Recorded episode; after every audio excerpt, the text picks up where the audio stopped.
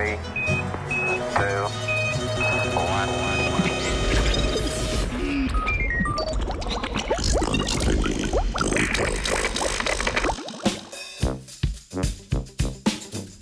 Kaj? Nič te ne slišim. Aj! Kaj?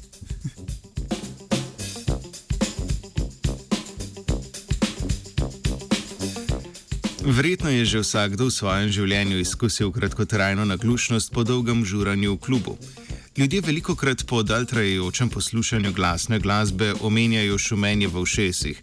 Zlasti tisti, ki delajo v okolju z veliko glasnostjo, so lahko žrtev nepopravljivih posledic, ki vodijo v gluhost.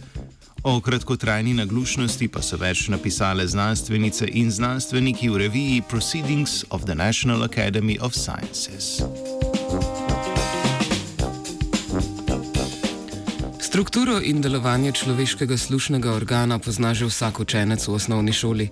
Zvočni signali se po zunanjem sluhovodu prenesejo do bubniča, ki vibracije po najmanjših koščicah v našem telesu prenese do polža. V njem so čutne dlačice, ki jih prekriva krovna membrana. Po mnenju raziskovalcev naj bi imela ravno krovna membrana vpliv na kratkotrajno naglušnost.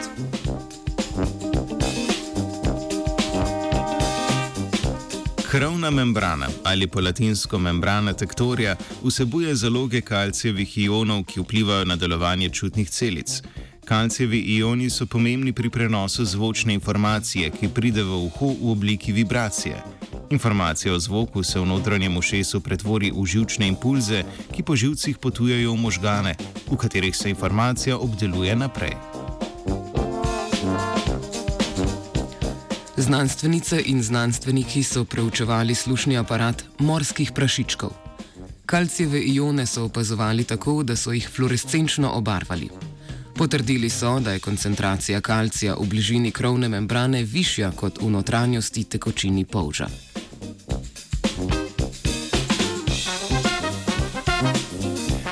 Raziskovalci so odkrili, da se po izpostavitvi glasni glasbi koncentracija kalcija v krovni membrani zmanjša, posledično je ovirana tudi funkcija čutnih celic.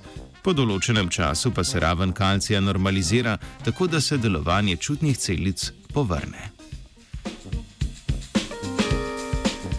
Doslej so znanstveniki vedeli, da je krovna membrana pomembna pri sluhu in da lahko njena poškodba vodi v naglušnost.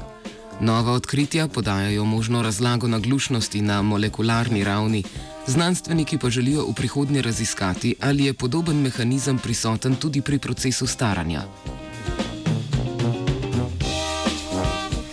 Vajenec Matej ni le nuh, včasih je pač sam gluh.